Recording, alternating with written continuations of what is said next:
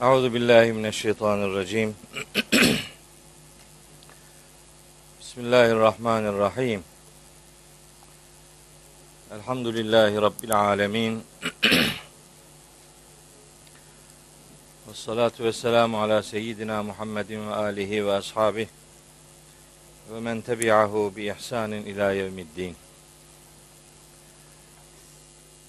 Kıymetli kardeşlerim, hepinizi selamların en güzeliyle, Allah'ın selamıyla selamlıyorum. Allah'ın selamı, rahmeti, bereketi, afiyeti, mağfireti üzerinize olsun.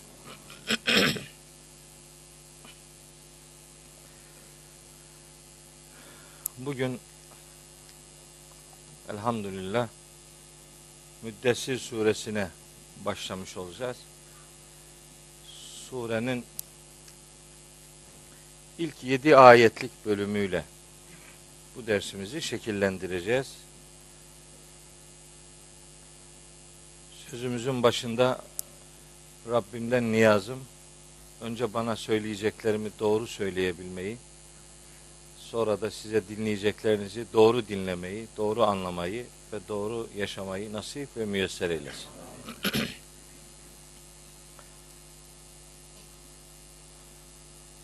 Müddessir suresi Müzzemmil suresinin peşinde yer alan ve hayatı inşa eden muhteşem mesajlara sahip bir suredir. Müddessir suresi. Ben her Müslümanın Kur'an-ı Kerim'le tanışıklığında önce müzzemmili ve müddessiri tanıması gerektiğine inanırım. Bir adam müzzemmili tanımıyorsa onun Kur'an'ı tanıması zordur. Bir adam müddessiri tanımıyorsa onun da risaleti ve hayatı tanıması zordur. O itibarla biz Müddessir suresini olabildiğince detaylandırarak içerisindeki mesajları derinlemesine inceleyerek ve epeyce de bir zaman süreceğini düşünerek derslerimizi müddessir ile devam ettireceğiz inşallah. Biliyorsunuz nüzül sırasına göre sureleri işliyoruz. İniş sırasını takip ediyoruz. Daha önceden ilk derslerde söylemiştim. Nüzül sırasında çok standart, herkesin kabul ettiği bir sıralama yok esasında. Fakat ben şahsen hani az buçuk Kur'an'ı tanıyan bir insan olarak ve surelerin birbiriyle irtibatını, konu özelliklerini biraz tahlil eden bir kardeşiniz olarak bir sıralama şekillendirdim. O sıralamaya göre sureleri işlemeye gayret ediyoruz. Buna göre mesela bazıları Müddessir suresini Kur'an'ın ilk suresi olarak tanıtır. Böyle diyenler bile vardır. Ama asıl belirleyici olan nokta bir sure Mekki midir, Medeni midir? Mekke üç dönemden oluşur. İlk dört yıl, ikinci dört yıl ve üçüncü dört yıl. Bu dört yıllık periyotlar içerisinde bir sure hangi periyotta indi? Eğer bu biliniyorsa bir önceki bir sonraki sure sıralamasındaki değişiklik çok mühim değildir. Çünkü artık surenin mantığı bellidir. Vermek istediği mesajı bilirsiniz ve sureyi doğru tanıma fırsatı elde edersiniz. Ama Mekki bir sureye medeni derseniz ya da tersine medeni sureye Mekki derseniz surenin mesajını kolayına anlayamayabilirsiniz. O itibarla çok iddialı olarak işte sıralama yüzde yüz, bir, iki, üç, 114'e kadar yüzde yüz şöyledir diye kesin bir ifademiz yok. Bir başkası kalkıp dördüncü sırada müddessir değil de filanca sure indi derse onu da çok yadırgamayız. Biz artık matematik olarak şu sırada milimetrik olarak bu sırada diye bir takıntımız yok. Ama muhtevasına yani surenin içeriğine baktığımız zaman az buçuk anlıyoruz. Bu sure nerede indi, ne zaman indi? konusu surenin iniş yeri ve zamanı hakkında bize malumat vermiş oluyor. O malumat doğrultusunda surenin yani Müddessir suresinin dördüncü sırada indirildiği kanaatindeyim. Müzzemmilden sonra inmesi lazım. Niçin? Çünkü müzzemmil önce Hazreti Peygamber'in hani bu söyleyeceğimi de yanlış anlayacaklar diye korkuyorum. Ee, yani çok yanlış anlaşılan ya da yanlış anlaşılalım diye isteyen, bekleyenler var. İnşallah bir yanlış yapar da oradan işte vururuz. Ama bizi en çok onlar dinliyor biliyor musunuz? Yani o kadar sadakatle dinliyorlar ki sorma gitsin. Yani buraya gelenlerden daha dikkatliler. Güya. Olsun. Bu gök sofrasıdır. O sofradan onlar da istifade etsinler. Bu surenin son bölümünde ona ait nefis bir pasaj var. Orada sözlerimi oraya saklıyorum. Orada söyleyeceklerim var. Son grup ayette. Ee, yanlış anlaşılmama adına müzzemmil müddessirden önce indirilmiş olmalıdır diyorum. Çünkü müzzemmil nübüvvetin konusudur. Müddessir risaletin konusudur. Ne demek istiyorum? Şimdi bizim geleneksel bilgimizde şu var. Risalet ve nübüvvet farklı peygamberlerin sıfatlarıdır. Hatta şöyle şablon cümleler vardır. Her Resul nebidir. Ancak her nebi Resul değildir. Niye? Resul kendisine kitap indirilen peygamberdir. Nebi kendisine kitap indirilmeyip önceki kitabı tebliğ ile yükümlü tutulmuş peygamber demektir. Derler. Derler ve bunun kesinlikle doğru olmadığını da ben söylüyorum. Asla ve kat'a hiçbir şekilde doğru değildir. Buna karşılık ben diyorum ki her Resul Nebidir, her Nebi Resuldür. Her peygamber hem Nebidir hem Resuldür. Ama illa bir ayrım ortaya koyacaksak her peygamber önce Nebidir sonra Resuldür. Bu ayrımın sebebi ne? Nübüvvet ilahi bilgilerden haberdar edilmek demektir. Yüksek bir makama getirilmek ve ilahi bilgilerden malumat sahibi ya da haberdar edilmiş olmak demektir. Nübüvvet.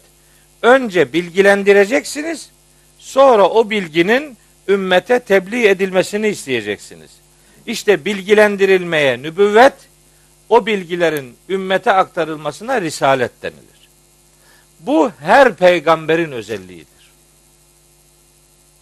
Şimdi size bir çırpıda abartmıyorum ama 20 tane ayet okuyabilirim bununla alakalı. Doğrudan o öbür algının Kur'an'a uygun olmadığını, doğrusunun nübüvvet ve risaleti farklı şahıslara yönelik görev olarak tanıtanların yanlış yaptığını ispat eden şu kadar ayet okuyabilirim. Bir merakınız oluştu mu? Okuyayım mı bir tane iki tane? Okuyayım ya. O da Allah'ın ayeti ne olacak yani?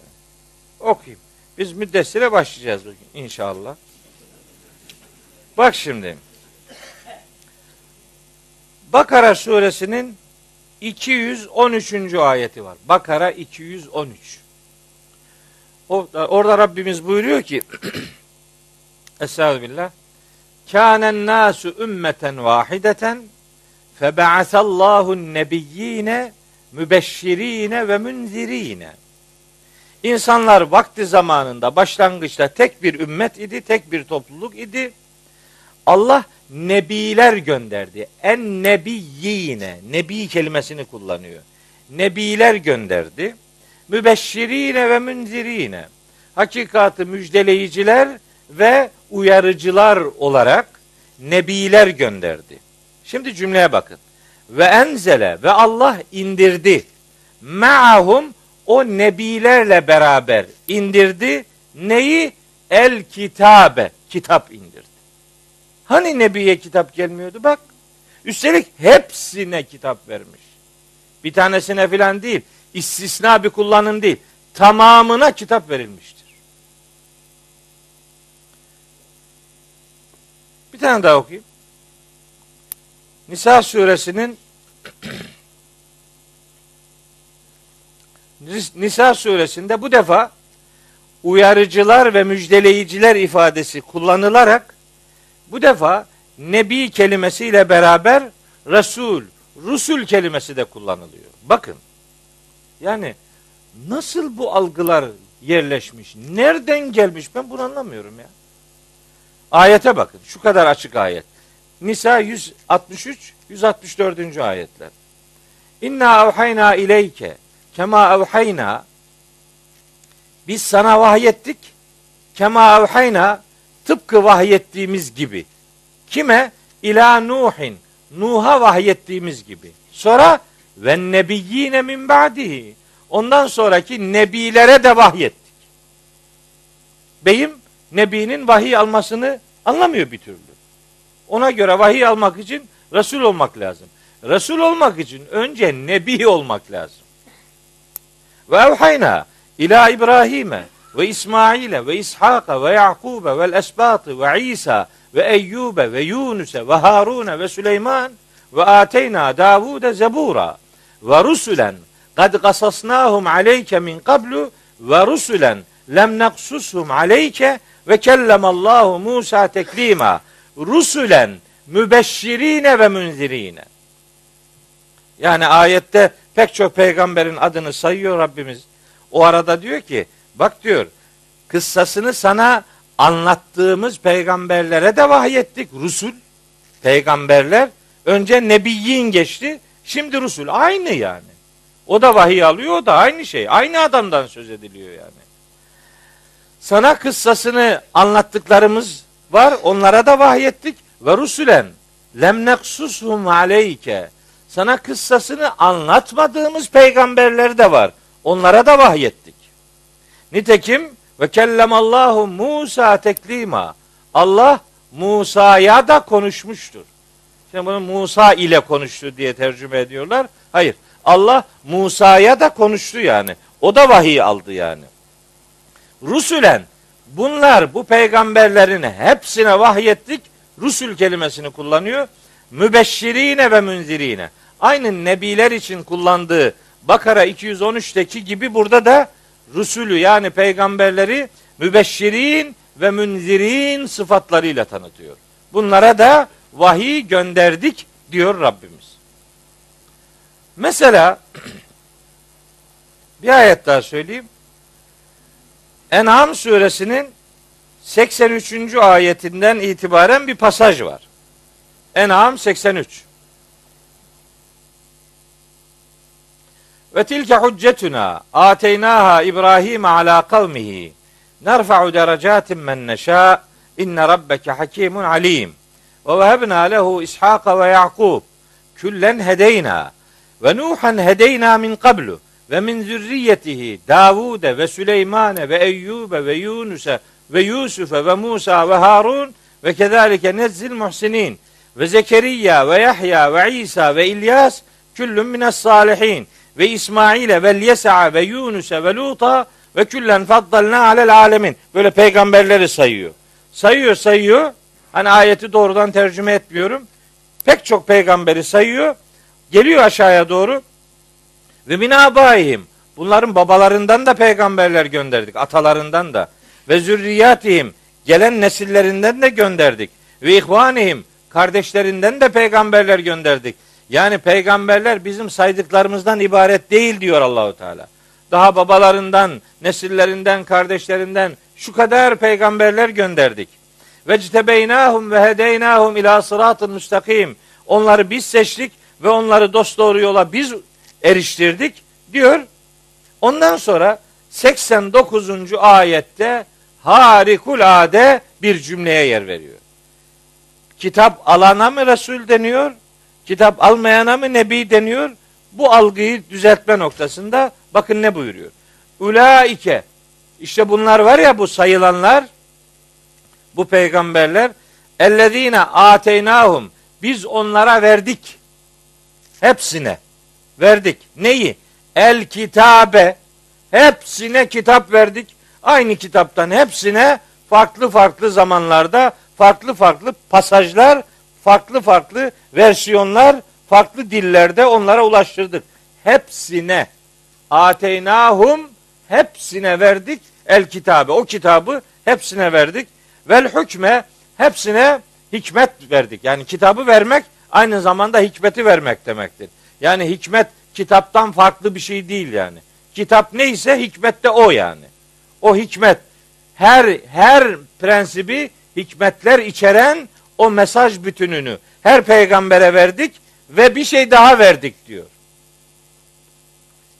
Kitap verildiğine göre bu peygamberlere bunlara ne demek lazımdı şimdi? Ulaikellezine ateynahumul kitabe vel hükme ve risalete demesi lazım. Kitap verildi ve risalet verildi demesi lazım. Öyle değil. Ve nübüvvete. Nübüvvet verdik. Kitap alana nebi deniyormuş bak. Efendim biz İmam Hatip'te öyle öğrenmedik. O İmam Hatip'te öyle burada böyle. Yani ne yapalım? Başka bir yerde. Başka bunu da duymadık. Bu benim görüşüm değil zaten. Canım Allah'ın kitabı böyle diyor işte yani.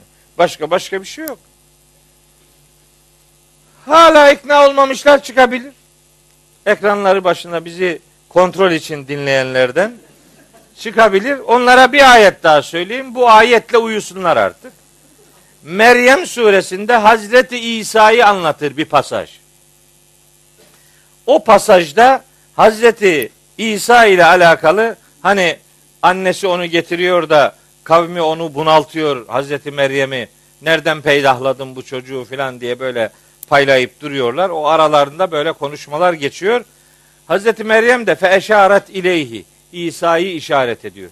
Bunu bana söylemeyin, buna söyleyin diyor.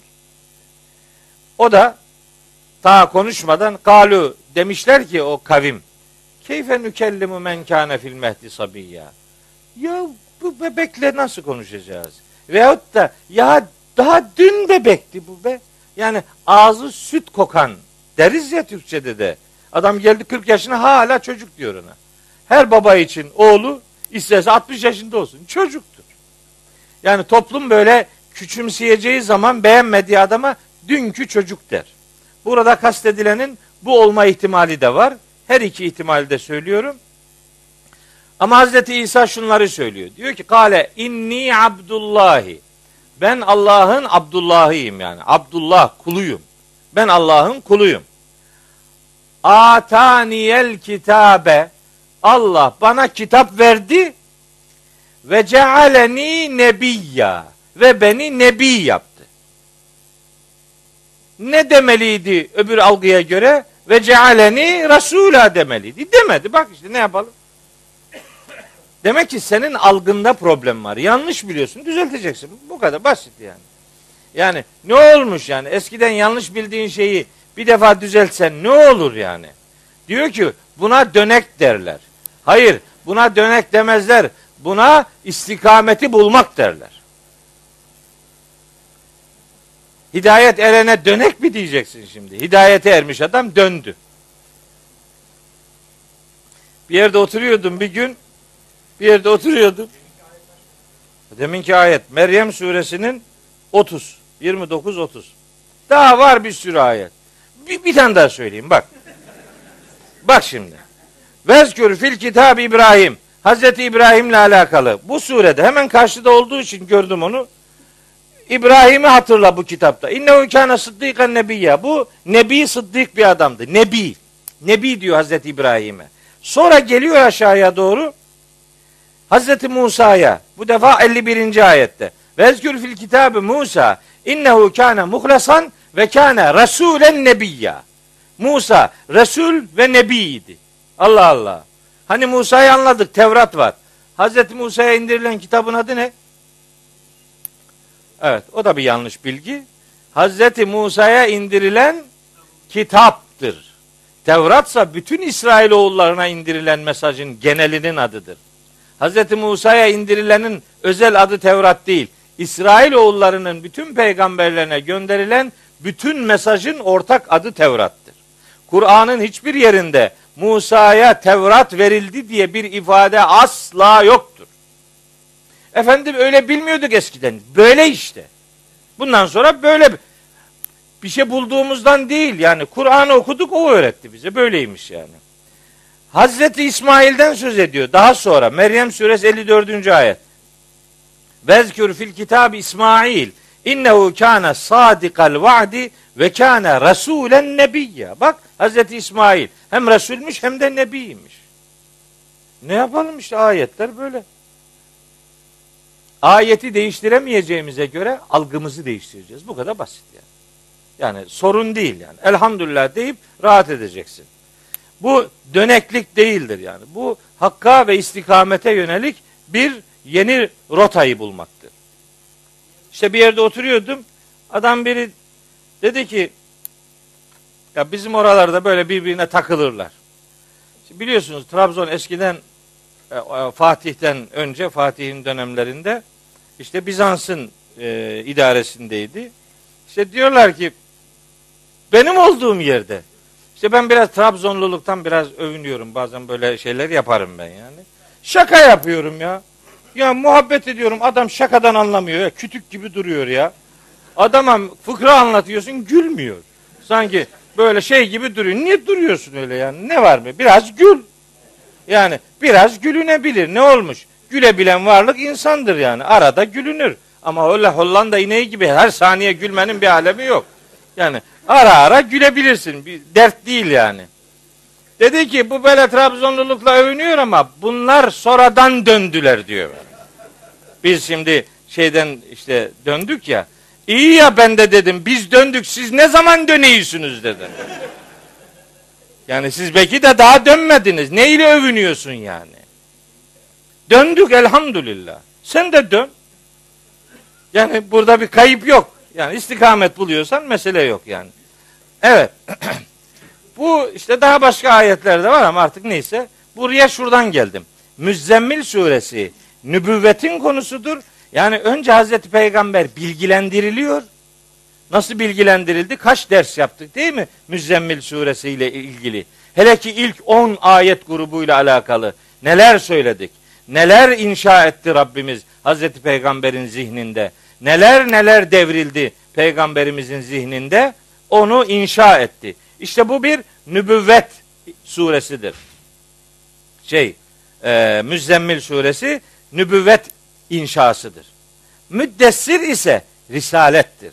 Yani artık o öğrendiği şeyleri şimdi hayata, diğer insanlara, topluluğa aktaracak yani. Onun için birine nübüvvet, birine risalet suresi diye böyle bir ayrım yapıyorum. Aman bir yanlış anlamaya efendim meydan vermeyelim. Sure Mekki bir suredir. 56 ayetten müteşekkildir. Resmi sıralamadaki yeri 74'tür. Resmi sıralamada 74, iniş sırasına göre dördüncü suredir. Ya da hiç olmazsa ilk surelerden biridir demiş olalım. Konu itibariyle bu sureyi altı ana başlığa ayırabiliriz. Konu itibariyle. İlk yedi ayet Hazreti Peygamber'in risaletini inşa eden ayetlerdir ki bugün bu yedi ayeti okuyacağız inşallah. Sonra 8, 9, 10. ayetler mahşerin zorluğuna dair çok sıra dışı ifadeler içerir. 3 ayet. Sonra 11. ayetten 31. ayete kadar 20 ayetlik bir pasaj var. Bu pasajda bir nankör insan tipolojisi üzerinde durur. Nankör insanlar neler söylerler, neler planlarlar, neler isterler ve ilahi irade onları nasıl karşılar? Onları bekleyen akıbet nedir? Onun üzerinden 20 ayetlik bir pasaj var. İnşallah o ayetleri işlerken göreceğiz. O gün yapılanla bugün yapılanlar arasında nasıl bir takım benzerlikler olduğunu da o ayetleri incelerken göreceğiz. Sonra 32. ayet ila 37. ayette vahyin gönderiliş gayesiyle alakalı bir takım çarpıcı bilgiler var. 38 ila 48. ayetler arasında işte 11-31. ayetler arasındaki o nankör insanın özelliklerinden söz ediliyor. Sonra onun mahşerde yaşayacağı mahcubiyet üzerinden bilgiler veriliyor. 38 48. ayetler arasında sonra 49 ve 56. ayetler arasında da vahiyden yüz çevirmenin korkunç akıbeti üzerinde duruluyor. Mekkeli müşrikler üzerinden bütün zamanların insanlarına vahiy ile nasıl bir irtibat kurmak lazım yahut da vahiyden yüz çevirmenin faturası nedir? Onun üzerinden bilgiler veriliyor. Bu altı konu Müddessir suresinin konu başlıkları olarak belirlenebilir. Altı konu.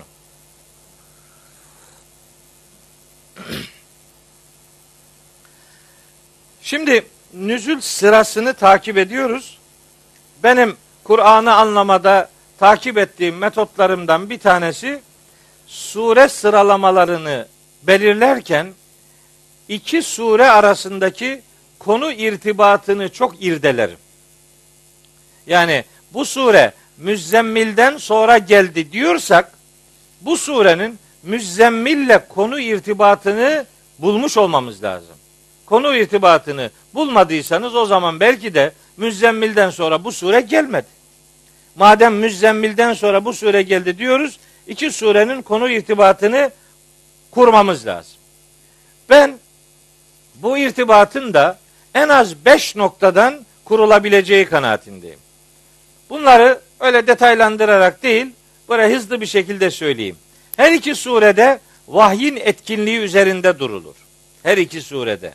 Her iki surede vahyin hayatı inşa eden yönleri, olumsuz insanların e, karakterleri ya da özellikleri ve onların akıbetleri üzerinde durulur. İki surede de ortak konular bunlar. Her iki surede vahyin gerçeği hatırlatan tezkire oluşu üzerinde durulur ve nihayet vahyin gerçeği hatırlatan boyutundan kimlerin istifade edebileceğine dair açık beyanlar yer alır. Her iki surede de her iki surede olumsuz tiplerin yani nankör ve suçlu insanların akıbetlerinin cehennem olacağı ve cehennemin bir takım sıfatları üzerinde durulur. İki surede de var.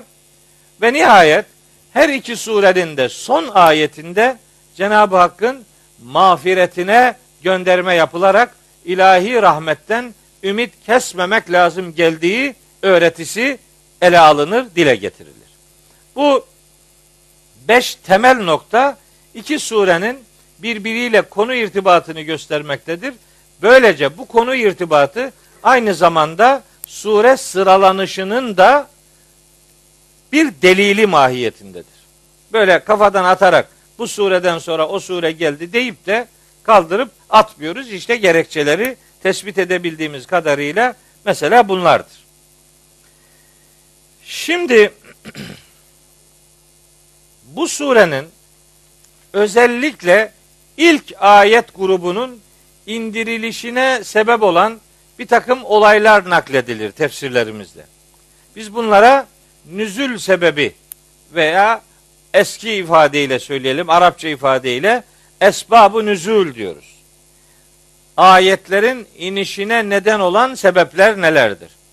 Ayetlerin inişine neden olan olaylar için sebebi nüzül veya esbabı nüzül denilir. Hadislerin söylenmesinin sebebiyle alakalı da sebebi vurud denilir. Vurud ile nüzül farklı. Nüzül ayet indirildiği için nezele kelimesi gelir. Vurud ise varid olmak. Yani peygamberimizin dilinden bunun çıkmasının sebebi nedir? Hadislerle ayetler arasında nüzül sebebi noktasında farklı terimler kullanılır. Bunu bilmek lazım.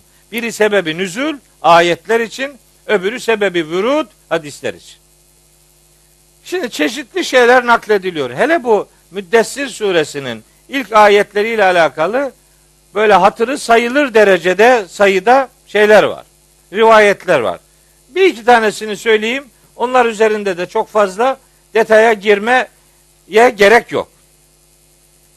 Deniyor ki Hazreti Peygamber bir gün böyle örtüsüne bürünmüş bir halde uyurken Cebrail aleyhisselam gelip onu uyandırmış ve ona işte bu Müddessir suresinin ilk ayetlerini efendim vahyetmiş.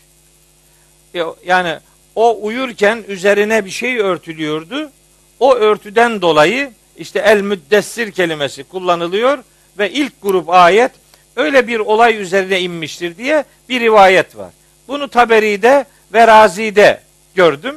Onu böylece nakletmiş olayım. Daha yaygın kabul Cabir bin Abdillah'tan gelen bir rivayet. Ona göre, ondan gelen bilgiye göre Nebi Aleyhisselam ilk vahiy alışıyla alakalı bilgi veriyor. Diyor ki Hira Dağı'ndaydım. Aniden ey Muhammed sen Allah'ın elçisisin diye bir ses duydum. Sağıma soluma bakındım kimseyi görmedim. Yukarıya doğru bakınca gök ile yer arasında bir taht üzerinde oturur vaziyette bir melek gördüm. Korktum. Hatice'nin yanına vardım. Eve döndüm yani. Beni örtün, beni örtün. Üzerime soğuk sular dökün dedim diyor. Bunun üzerine Cebrail aleyhisselam gelip işte ya eyyühel müddessir kum feenzir ayetlerini indirmiş. Bu bir nüzül sebebi rivayeti. Bu da Buhari'de var, Müslim'de var ve onlardan alarak başka tefsir kitaplarında da var. Örnek olsun diye sadece Zemahşeri'nin adını e, vermekle yetineyim. Diğer kitaplarda da, diğer tefsirlerde de var. Herhangi bir tanesiyle filan sınırlı değil. Şimdi benim bunlar üzerinde söyleyeceklerim var. Ne söyleyeceğim? Sözümü birinci ayetle başlatarak söyleyeyim. Surenin birinci ayeti şöyle başlıyor. Estağfirullah.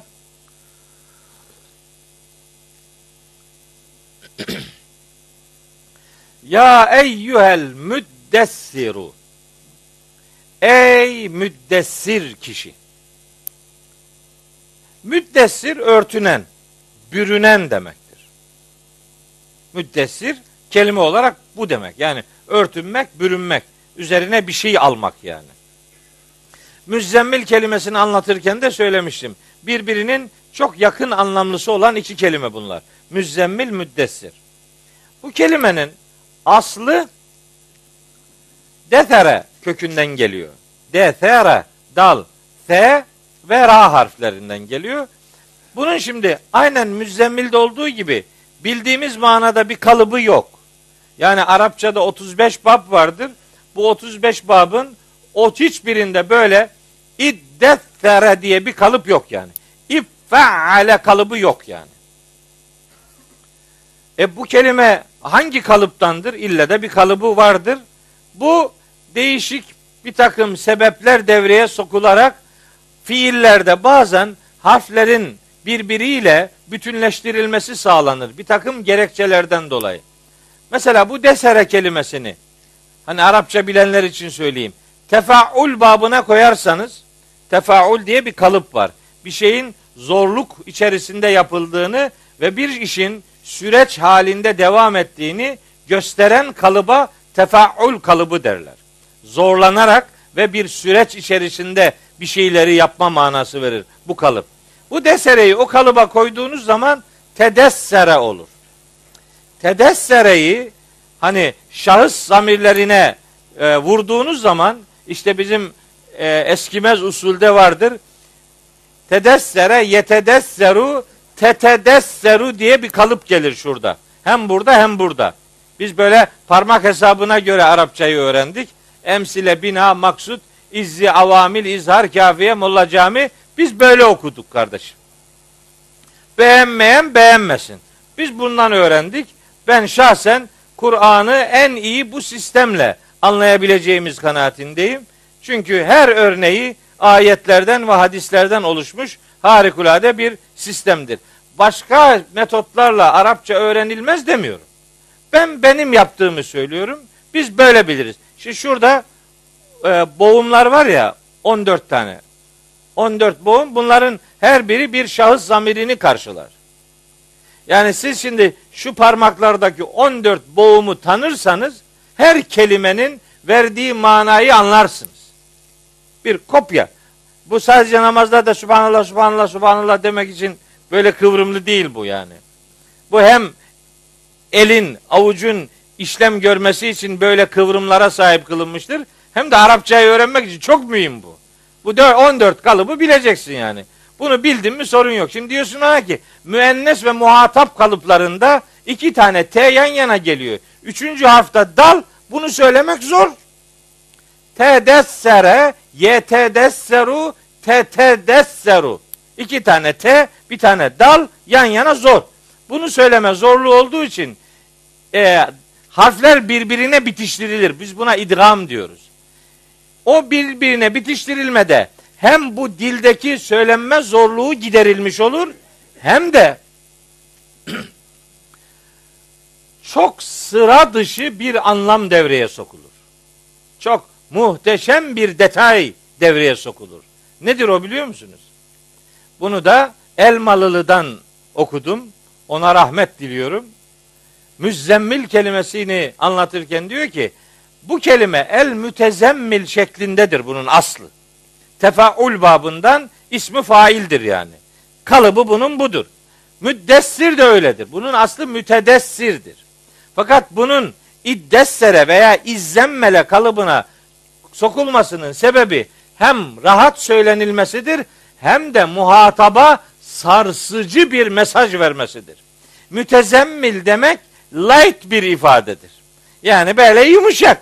Hani bir yani kılını kıpırdatmayabilirsin. Mütezemmil böyle durumu idare eden bir ifadedir. Ama müzzemmil demek sarsıcı bir ifadedir. Kendine gel ey muhatap. Yatmanın zamanı değil.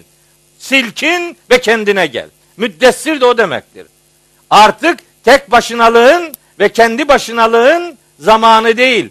Kabuğuna çekilmenin zamanı değil. Hani titre ve kendine gel. Mesela bakın. Kamer suresinde var dört tane ayet. Ve lekad yessernel Kur'ane lizzikri fehel min müddekirin. O da aynı bu böyle. Müddekir mütezekkir kelimesinin değiştirilmiş halidir.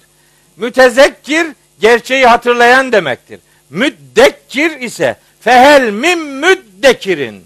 Hani nerede gerçeği hatırlayanlar? Neden gerçeği hatırlamıyorsunuz diye böyle bir vurgu içerir. Hatta bir tane daha size söyleyeyim. Şeyde Tevbe suresinde bakın kaçıncı ayet? 38. ayet. Ya eyyühellezine amenu. Ey iman edenler. Maleküm size ne oluyor ki İzâ kîle leküm infiru fî sebilillah Allah yolunda hani savaşa çıkın dendiği zaman siz neden issâkaltüm ilel ardı neden yere çivi çakar gibi yapışıp kaldınız? İssâkaltüm fiilinin şeyi aslı tesâkaltümdür. Tesâkaltüm yumuşak bir ifadedir. İssâkaltüm mübalağa ifade eden bir mesajı daha bir yani daha bir vurgulu ve etkili hale getirmek için yapılan bir dönüşümün ifadesidir. Laf olsun torba olsun diye kelimeler üzerinde oynama yapılmaz. Her birinin bir karşılığı vardır. Bu müzzemmil müddessir kelimeleri de böyledir. Mesela yakıssımun kelimesi var Yasin'de. Onun aslı yaktasımundur. Yaktasımın yumuşak bir ifadedir. Yakıssımın birbiriyle didişmek böyle birbirini mağlup etmek için böyle uğraşıp durmak anlamında bir mübalağa manası katar. Oradaki harflerin birbirine bitiştirilmesi aynı zamanda manaya katkısı olan bir dönüşümdür. Bunu bu vesileyle ifade etmiş olayım. Ya eyyühel müddessir. Ey müddessir muhatap. Şimdi genellikle şöyle ifade edilir tefsirlerimizde ifadelerin yanlış falan olduğunu söylemiyorum. Genelin tercih ettiği deniyor ki Peygamberimiz sallallahu aleyhi ve sellem vahiy alacağını hissettiği zaman böyle maddi olarak üzerine bir şey alırmış. Böyle bir yorgan, işte kadife, keçe türü bir şey alırmış. Ya, niye alıyor bilmiyorum niye. Diyor bana ki adam yani niye öyle yaptı? Nereden bileyim? Ya ben Allah Allah ben vahiy almıyorum yani. Ben onu peygamberimize soracağız yani inşallah mahşerde niye böyle yaptın? Yaptıysa eğer tabi. Yaptı deniyor bilmiyorum yaptı mı. Böyle bir maddi bir nesne ile örtünülmüş. İşte bu ayet o örtüye gönderme yapıyor diye yorumlanıyor. Yani ey üzerine bir şey örtünen peygamber. O örtüye gönderme. Böyle kabul ediliyor. Hatta işte uyurken peygamberimiz böyle elbiselerini üzerine örtermiş. Bu müddessir kelimesi o elbise örtünmeye göndermedir diyenler var. Bunlar Taberi'de, diğer tefsirlerin hepsinde var. Ama görüşler neyse ki bundan ibaret değil. Allah geçmiş alimlerimize rahmetiyle muamele buyursun. Ne kadar da güzel yolumuzu açmış, ne kadar da güzel ufuk kazandırıcı bilgiler vermişler. Mesela bakın, demiş ki, İkrime'den gelen bir görüş, Hazreti Peygamber'in nübüvvet ve risalet elbisesine bürünmesi demektir müddessir. Heh, bunu ben desem şimdi diyecek ki, nereden buldun bunu? Kimse bilemedi de bir sen mi bildin? Yok hiç öyle bir kahramanlığım yok. Sen de sadece işine geleni nakletmekle kalma. Başka sözler de var. Bak böyle demişler. İnanmıyorsan git taberiye bak. Müddessir, nübüvvet ve risalet elbisesine bürünen insan demekmiş. Öyle yorumlamışlar. Hatta birazdan söyleyeceğim. İbn Abbas doğrudan bakın Hazreti Peygamber'in Kur'an ile yani vahiy ile örtünmesi nedeniyle ona el müddessir denmiştir. Kim diyor bu görüşü? İbn Abbas. Abdullah İbni Abbas söylüyor. Peygamberlik yükünü yüklenen kişi demekmiş. Vahiy ile, risaletle buluşan kişi demekmiş. Biz bir şey ihdas ettiğimiz yok. Eski alimlerin söylediklerinden tercihte bulunuyoruz. Sen şimdi o peygamberimizin battaniye, yorgan, keçe, kadife ile örtünmesi manasına geliyor de el müddessiri. Sen onunla mutluysan devam et. Ondan sonra kadife üzerine artık yeni malzemeler de ilave edebilirsin. Ne biliyorsan söyle. Ben işin maddi kısmı ile ilgili değilim. Ben bunun daha nitelikli bir mesaj veriyor olduğu kanaatindeyim. Çünkü böyle maddi şeylerle, elbiselerle örtünmek kastediliyor olsaydı bunun karşılığında başka kelimeler var onlar kullanılırdı. Onun için böyle müddessir, müzzemmil gibi sarsıcı kalıplara da gerek yoktu. Ya eyyühel mütelebbisü der geçerdi yani. Ey elbisesine bürünmüş der geçerdi. Yani farklı boyutları üzerinde durmak, ayeti saptırmak değil, tam aksine mesajı daha doğru anlamanın bir parametresidir. Bize kazandıracağı bir yeni ufuktur. Oradan bakmak lazım. Hatta bir şey daha söylüyorum.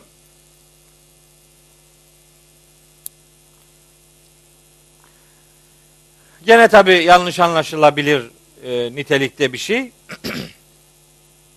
yanlış anlamak isteyen zaten anlıyor, anlasın. Ya o zaten istiyor ki yanlış yapalım. Ya al sana malzeme. Tepe tepe kullan. Ama bizi anlamak isteyenler, doğru anlamak isteyenler derdimizi de biliyorlar. Ben diyorum ki hem el müzzemmil kelimesiyle alakalı hem el müddessirle alakalı. İkisiyle alakalı da diyorum ki bunların başında elif lam takısı var. El müzzemmil, el müddessir. Bu kelimeler birer defa geçiyor Kur'an-ı Kerim'de daha yok. Müzzemmil'in başındaki bir defa geçiyor, müddessirin başındaki de bir defa. Daha yok yani. Bu kelimeler başında elif lam olduğu için özel bir insana hitaptır. Yani Hazreti Peygamber'e. El müzzemmil ve el müddessir elif lam takısıyla beraber Hazreti Peygamber'i nitelendirmektedir. Bunda şüphemiz yok. Ancak peki bu ayet bize de hitap ediyorsa ki hitap ediyor. Ayetin bir dediği vardır, bir de demek istediği vardır. Şimdi ortada peygamber olmadığına göre peki bu ayet kime sesleniyor? Ya eyyühel müddessir aslında ya eyyühellezine diye başlayan ayetler gibi ya eyyühellezine amenu diye başlayan ayetler gibi ey vahiy ile bürünmek isteyen her muhatap demektir. Özelde muhatap Hazreti Peygamberdir amenna ama bunun başında eliflam yoktur varsayarak el müddessir değil müddessir kalıbı devreye girerse öyle düşünürseniz vahiy ile buluşmak isteyen herkes muhataptır manası devreye girer. Böylece ayetler bize de hitap etmiş olur. Şimdi bu ayetler Hazreti Peygamber'e hitap ediyor deyip çekip gidemeyiz. Neden? Çünkü bakın Müzzemmil'de bunun çok pratik bir örneği üzerinde durduk. Gece kalkmayla alakalı yapılan düzenlemeler kum diye başlamıştı. Hazreti Peygamber'e hitap ediyordu. Kumil leyle illa kalila. Nisfahu evin kusminhu kalila. Peygamberimize hitap ediyordu. Ama 20. ayeti okurken geçen ders ne dedik? Aa inna rabbeke ya'lemu enneke tekumu edna min sülüseyil leyli ve nisfahu ve sülüsehu ve taifetun minellezine ma'ak. Seninle beraber olan grup da böyle yapıyor. Allah bunu biliyor. Demek ki ayetin söylediği muhatap her ne kadar Hazreti Peygamber olsa da söylemek istediği herkestir. Müzzemmil'de bunu öğrendik. Şimdi burada da mesajı hayatımıza indirmemiz için buradaki mesaj bizi de ilgilendiriyor. Şimdi sayılacak yedi tane görev var. Bu yedi görevin yedisi de herkesi ilgilendiriyor noktasını elde edebilmek için el müddessir kelimesini müddessir manasına da alarak bizim vahiy ile muhatap oluşumuzu hatırlamak durumundayız. Ben ayetleri böyle okurum. Bu ayet bugün bana geliyor olsaydı benden ne istiyor olacaktı? Ben her ayeti böyle okurum. Ayetin bir dediği vardır. Bir de demek istediği vardır. Biz ayetleri demek istediği üzerinden anlamaya çalışırsak mesajı daha net, daha berrak bir şekilde anlar ve hayatımıza taşımayı başarırız. Değilse o ayet beni ilgilendirmiyor, bu da beni ilgilendirmiyor. Beni ilgilendirmiyor demeye başladı mı bir adam emin ol Kur'an'ın onda dokuzundan kurtulur. 2000 küsür ayet kıssalarla alakalı bizi ilgilendirmiyor. Şu kadar ayet münafıklarla alakalı bizi ilgilendirmiyor. Şu kadar ayet müşriklerle alakalı bizi ilgilendirmiyor. Filanca kadarı ehli kitapla alakalı bizi ilgilendirmiyor. Filancası Mekkelilerle alakalı bizi ilgilendirmiyor. Ne kaldı geri? Bir kısmı Hazreti Peygamberle alakalı burada okuduklarımız. Bir kısmı onun aile hayatıyla alakalı. Bir şey yok. Kalmadı ki geri bir şey zaten. Hani Allah'ın kitabını hayatının dışına itmek için çok güzel malzeme. Ama bu kadir şinas bir bakış değildir. Buradan hakikat elde edilmez. Bu ayetler Kur'an'da bulunduğu için her ayetin herkese yönelik mutlak bir mesajı vardır anlamak isteyene. Anlamak istemiyorsan yapacak bir şey yok. Lan Murat nişan alır gibi duruyorsun orada yarım saat. Ne yakalamaya çalışıyorsun anlamadık ki. Evet. Şimdi müddessir kelimesiyle alakalı yaklaşık bir saat konuştuk. Şimdi 2 ve 7. ayetleri tabi götüreceğiz. Nasuhi abi şimdi muzip muzip karşımda duruyor. Kendine göre demek istiyor ki Ankara'da beraberdik Cuma günü Nasuhi abiyle beraber. Ben Ankara'da Cuma günü iki konferans verdim. Cuma günü saat e, dört buçukta orada Birlik Vakfı'nın düzenlediği bir konferansa katıldım. Çok güzel bir ortamdı elhamdülillah. O kardeşlerimizi orada görmekle yüreğim bir mutlu oldu ki sormayın gitsin yani. Harika bir dinleyici kitlesi vardı. Onlarla bir buçuk saate yakın bir Kur'an e, muhabbeti yaptık. Sonra aynı gün akşam saat 7'de oradan çıktık apar topar. 7'de bir özel kolej vardı. Adını söyleyeceğim. Çünkü beni çağırdılar. Ben onlara çok teşekkür ettim orada. Buradan da etmek istiyorum. Özel Aziziye Koleji diye bir kolej beni çağırdı. Ben orta dereceli okul öğrencileriyle buluşmuş oldum. Onlara da Kur'an'ın sözünün olduğunu anlatmaya çalıştım. Dolayısıyla o kardeşlerimizle de çok nefis ve nezih bir ortamda konuşmalar yaptık. Ankara'da beraberdik. Dedi ki pazar günü hangi ayetleri işleyeceksin? Dedim ki ben Müddessir'in ilk ayetini işleyeceğim. Hı hı olur dedi. Sen ve yedi ayet. Olmaz dedi. Dedim mahcup olacaksın haberin olsun. Yedi ayeti bitireceğim. Şimdi gülüyor. Bir saat geçti bir ayetle sen bunu bitiremezsin diye ama e, burada işte direksiyonda benim hızlı giderim. Gaza bastım mı olur biter yani. Hayır bu yedi ayeti bitirmek zorundayım. Bu bölünmez. Bu şimdi bir dahaki ders olmaz. Ha hemen sözün burasında bir şey daha söyleyeyim. Sarkmaz Allah'ın izniyle. Ee, önümüzdeki hafta pazar günü bu önümüzdeki hafta pazar günü yine dersimiz olacak burada. Önümüzdeki hafta pazar günü e, yani bir hafta sonra ondan sonra 15-15 devam edeceğiz. Bir mazeret belirdi. O mazeret haftası dersi yapmamaktansa ben şimdi bu akşam Samsun'a gideceğim. Birkaç gün sonra tekrar buraya geleceğim. Yorulmaksa ben bunu yorulacağım. Sizi önümüzdeki hafta pazar günü burada derse bekliyorum. İnşallah televizyondan izleyen kardeşlerimizi de bu vesileyle duyurmuş olalım. Ondan sonra 15-15 devam edecek. Periyot öyle gidecek. Dersimizin başına bir iş gelmesin diye böyle bir değişiklik yapma ihtiyacı hissettik. Buradan hani Hazreti Peygamber diyor ela bellagtu tebliğ ettim mi? Ettim yani. Siz de veşhedû şahit olun yani. Veda hutbesinden de hayatımıza naklettiğimiz şeyler olsun yani. Evet. Şimdi el müddessir üzerinde durduk. Peygamberimizden bakalım Rabbimiz neleri yapmasını istiyor. Niye böyle sarsıcı bir hitapla başladı? Sonunda hangi yedi maddelik bir e, silsile geliyor? Bir zincir geliyor. Bakın. Kum. Önce ayetleri tercüme edeyim. Sonra detaylar üzerinde duracağım. Bir. Kum. Ayağa kalk. İki. Fenzir. Uyar. Üç. Ve rabbeke fekebbir. Rabbini yücelt. Dört. Ve siyâbeke fatahhir. Elbiseni temiz tut. Beş. Ve rucze fehcur. Çirkinliklerden uzak dur. Altı. Ve la temnun testeksir. Yaptığını çok görerek başa kalkma. Yedi. Ve li rabbike fasbir. Rabbin için sabret.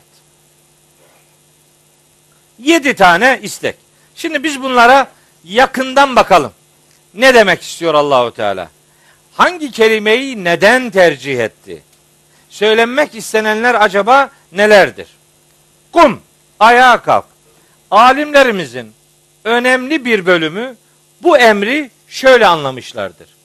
Onlar müddessir kelimesine yatarken üzerine işte yorgan, battaniye, kadife, keçe, çekme manasını aldıkları için el müddessir kelimesini buradaki kum emrini de yatağından ayağa kalkmak diye yorumlamışlardır.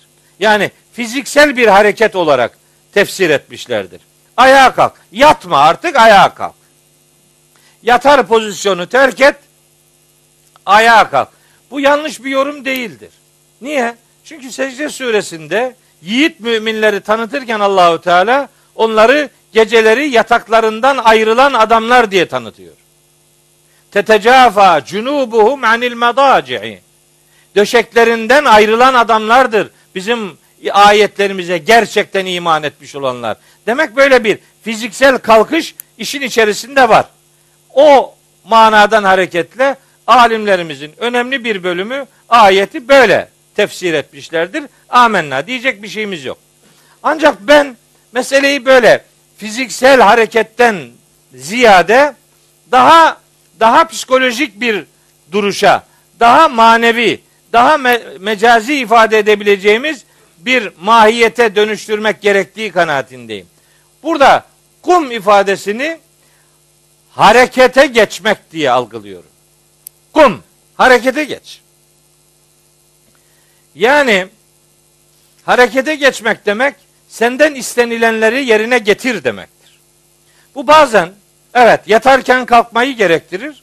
Bazen otururken kalkmayı gerektirir. Bazen otururken yürümeyi gerektirir. Hani ayağa kalkıp yürümeyi gerektirir. Bazen koşmayı gerektirir. Bazen konuşmayı gerektirir. Bazen susmayı gerektirir. Yani siz hareket halinde olacaksınız. Sizden istenen bu. Vahiy, vahyin sorumluluğuyla buluştuysanız vahiy sizi bulunduğunuz hal üzere terk etmiyor. Biz bundan aslında bunu anlamalıyız. Hani diyor ya Ali İmran suresinde Allahu Teala Ma kana Allahu liyezeral mu'minina ala ma entum aleyhi hatta yemizel habise minet tayyib Ali İmran 179. ayet. Allah müminleri bulunduğunuz bu hal üzere terk etmeyecek ta ki temiz olan şeylerden çirkin olanları ayırt edinceye kadar. Yani durduğun yerde bırakmıyor seni. Hani Ankebut suresinin hemen ikinci ayetinde buyuruyor ya Elif lam mim Ehasiben nasu en yutreku en yekulu amennâ ve hum la yuftenun. Yani insanlar onları hiçbir imtihana tabi tutmadan salı, salı verileceklerini mi zannediyorlar? Yok. Kur'an, vahiy insana yeni bir dizayn kazandırma projesidir. O itibarla burada da harekete geçmek, bir şeyleri sorgulamak ve bir şeylerle alakalı yeni bir duruşa insanların gelmesini sağlayacak bir hareket emri içerir. Bu ayetteki kum emrinin böyle bir mesajı vardır. Vahiy ağır sorumluluk gerektiren bir bilgilendirme biçimidir. Müzzemmil'de söylemiştik. Ne demiştik? İnna senulqi aleyke kavlen sakila. Biz sana ağır bir söz vahyedeceğiz. Söz ağır olduğu için sorumluluğu da ağır. Öyleyse harekete geçmek lazım. Durduğu gibi durmayla bu iş yetişmez. Yan gelip yatmayla bu iş olmaz. Harekete geçmek lazım.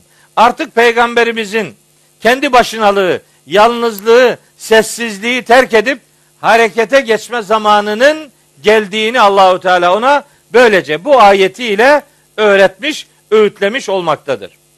Sorumluluğu yerine getirmek. Buradaki kum emrinin sorumluluğu yerine getirmek manasında hareket, harekete geçmek şeklinde mecazi bir anlam taşıdığı kanaatindeyim. Diğer görüşün de yanlış olduğunu söylemiyorum. O da bir bakıştır. Fakat ben böyle bir yorumun bize de bize de hitap eden boyutuyla böyle anlaşılmasının daha doğru olacağı kanaatindeyim. Birinci emir bu. İkinci emir feenzir. Şimdi bu enzir kelimesi nezir kelimesi, nüzür kelimesi bu çok sıra dışı bir kelimedir. Kelimenin asıl anlamı ya da yaygın anlamı uyarmak demektir. Kum harekete geç, feenzir ve uyar. Uyarmak aslında tebliğ etmek anlamına da gelir. Nitekim şu Ara suresi 214. ayette buyuruluyor ki ve enzir aşiretekel akrabin. Yakın akrabanı inzar et. Uyar. Uyarmaya yakınından başla manasını verir. Uyarmak, tebliğ etmek. Bu kelime eğer beşir kelimesiyle beraber kullanılıyorsa ki beşir müjdeleyici demektir. O kelimeyle beraber kullanılıyorsa o zaman bu ikaz etmek. Yani doğrudan aslında uyarmak manasını burada düşünebiliriz. İkaz etmek. Beşir, müjdelemek bu uyarmak. Uyarıyorsun. Önceki manası tebliğ etmek, duyurmak. İkinci manası ikaz etmek, uyarmak. Bir manası daha var bunun. O da korkutmak. Azapla korkutmak muhatabı akıbeti noktasında bilgilendirmek ve eğer kötü bir gidiş varsa bir azap tehdidinin onlara ulaştırılmasını sağlamak anlamında böyle bir azapla korkutmak manası var. Böyle üç tane manası var bu kelimenin. Bir, tebliğ etmek, duyurmak. iki ikaz etmek, uyarmak. Üç, korkutmak. Kelimenin yaygın anlamları bunlar. Fakat bu kelimenin bir anlamı daha var. Bu kelimenin asıl bu dördüncü anlamı belki de Risalet kurumunu daha doğru anlamamızı sağlayacak manasıdır. İfade şu anlama gelebilir. Fe enzir. Enzere nezere kökünden geliyor. Nezr, nezere, nezr adamak demektir. Üç tane ayet yazdım. Onları bu vesileyle hemen söyleyeyim. Bakara 270. ayet. Ve ma enfaktum min nefakatin ev nezertum min nezrin yani adadığınız hangi adak varsa fe innallaha ya'lemu Allah onu bilir. Ev nezertum min nezrin adadığınız her bir adağı Allah bilir. Nezr hani nezir kurban derler. Nezir kurban. Adak kurbanı demektir işte o. Nezere adamak anlamına geliyor. Mesela Hac suresi 29. ayette sümmel yakdu tefesehum vel yufu nüzurahum. Adaklarını yerine getirsinler manasına gelir. Nüzur, nezir kelimesinin çoğuludur. Mesela İnsan suresi 7. ayette yufune bin nezri. Onlar adaklarını yerine getirirler. Yani Allah'a verdikleri sözün gereğini yerine getirirler. İnsan suresinde öbür alemde cennetlik olmayı arzu edenlerin bu dünyadaki fedakarlık kalemlerini sayar. Onların biri de yufune bin nezri adaklarını yerine getirirler. İşte bu ayetteki enzir kalıbının adamak manasına geldiğini görmek durumundayız. Bu aradan hareketle şunu söylüyoruz. Peygamberlik adanmışlık kurumudur.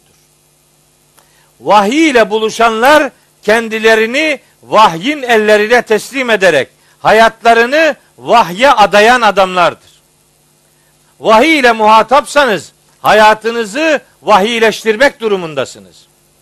Peygamberlik adanmışlık kurumudur ve vahiy adanmış adamlar ister.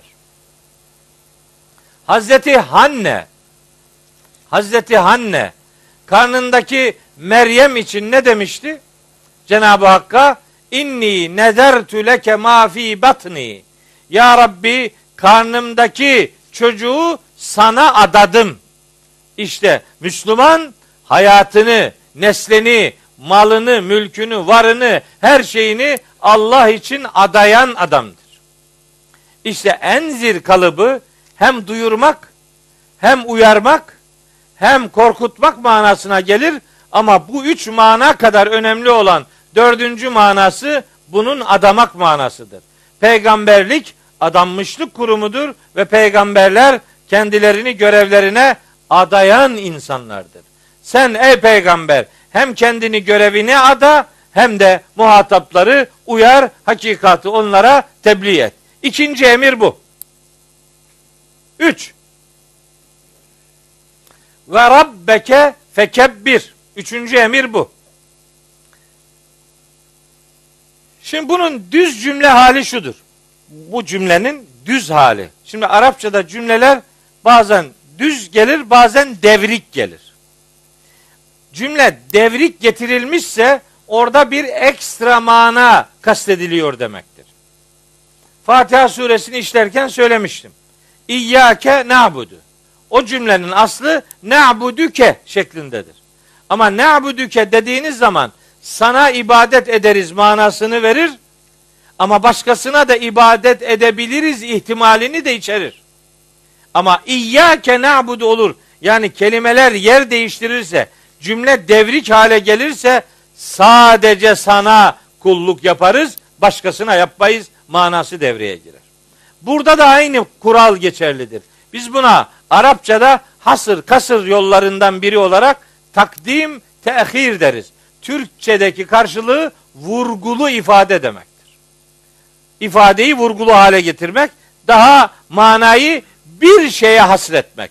Başka şeylerde bu mananın bulunmadığını ortaya koymak manasına gelen bir ifade biçimidir. Takdim tehir ile elde ettiğimiz hasır kasır yolu. Cümlenin aslı şu. Fekebbir rabbeke. Bu cümlenin aslı bu. Düz cümle hali bu. Rabbini yücelt manasına gelir. Ama o mananın içerisinde başkasını da yüceltirsen sorun yok. Anlamı çıkabilir. Ama ve rabbeke fekebbir olursa bu öne gelirse şey e, cümlenin sonraki ögesi öne gelirse sadece Rabbini yücelt. Niye böyle? Aa, çok önemli bu. Mekke döneminde çok önemli bu. Ne diyordu Mekkeli müşrikler? Biz de Allah'a inanıyoruz canım. Ayıp ettin. Ve le in seheltehum men halakas semavati vel arda le yekulunallahu. Gökleri yeri kim yarattı diye sorsan Allah derler. Tabi onların yaratıcı Allah'la bir sorunları yoktu ki. Dolu. Bir sürü ayet okurum onunla ilgili. Bir sürü ayet var. Sorun o değil. Hatta peygamberimiz hani Kalem suresini okuyacağız inşallah. Ne zaman okuyacaksak orada anlatacağız. Veddu lev tudhinu feyudhinun. Onlar yağcılık yapmak isterler. Sen yağcılık yapasın isterler. Onlar da sana taviz verecekler. Ne diyorlar? Bir sene senin Rabbine kulluk yapalım. Bir sene bizim putlara yapalım. Hangi sene daha iyi geçerse ondan sonraki seneler öyle devam edelim. Onlar haşa Allah tanımaz insanlar değillerdi. Allah'ı tanıyor biliyorlardı. Orada zerre kadar şüpheleri yoktu. Onların derdi Allah'ın Rab sıfatıyla ile ilgiliydi. İlah sıfatıyla alakalı sorunları yoktu. Halik sıfatıyla ilgili hiçbir problemleri yoktu. Kim yarattı desen Allah derler bu kadar. Sadece o kadar da değil. Size kim rızık veriyor diye sor. Onlara Allah derler. Kainatı kim idare ediyor diye sor. Allah derler. Hep böyle ifadeleri var. Ama hayatı nasıl iş, iş, yaşayacaksın? Hayatının neresinde hangi fedakarlıklar lazım? Allah hayatının neresine müdahale ediyor noktasına geldiği zaman karşı çıkıyorlardı.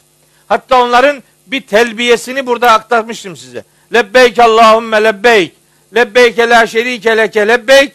İlla şerikün huvelek temlikuhu ve ma melek. Onların da telbiyesi var aybetti. Ya Rabbi emrine amadiyim. Senin hiçbir ortağın yok bir tane var diyor. Bir tane. Ama bu sen ona sahipsin. O sana sahip değil. Ona ve onun sahip olduğu her şeye sen sahipsin. Ama bir tane ortağın var. Zaten müşrik Tanrı tanımazlık değil. Müşrik Allah'a ortak koşmanın e, şirk Allah'a ortak koşmak demektir. Müşrik de bunu yapan adam demektir. Şimdi tabi ortada Mekkeli müşriklerle alakalı konuşurken bütün şirk unsurlarını Mekkelilere havale ediyoruz. Kendi burnumuzun dibindeki müşriklikleri hiç görmüyoruz.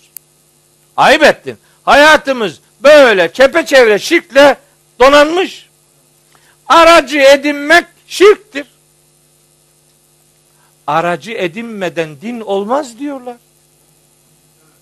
Aracılığı kaldırsın diye gönderilmiş Hazreti Muhammed, Hazreti Muhammed'i bizatihi aracı yapıyorlar. Nasıl bir şey bu ya? Ne kadar korkunç bir bozulma bu. Ne masum sunumlar bunlar. Neyin nesi bunlar? Ve rabbeke fekebbir. Ben zaman zaman söylüyorum. Gene yanlış anlaşıldığım konulardan biri. Diyorum ki Allahu Ekber diyorsun ya. Allahu Ekber'in tercümesini şöyle yapma. Allah en büyüktür. Müşrikler de öyle diyordu.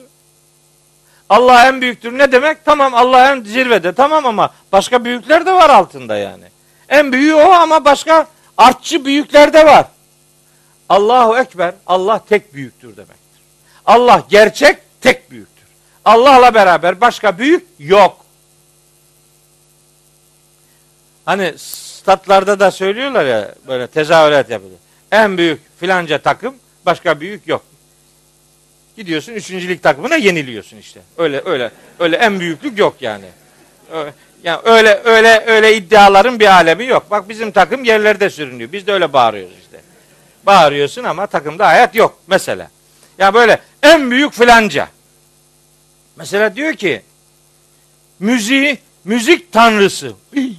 Ne müşrik bu ya? Müzik ilahı, pop ilahı bilmem kim. İlahın oysa sen onun kulusun. Onun ahiretine gider, orada cennet beklersin, hava alırsın. Görürsün bakalım. Kime ilah diyorsan o yargılayacak seni.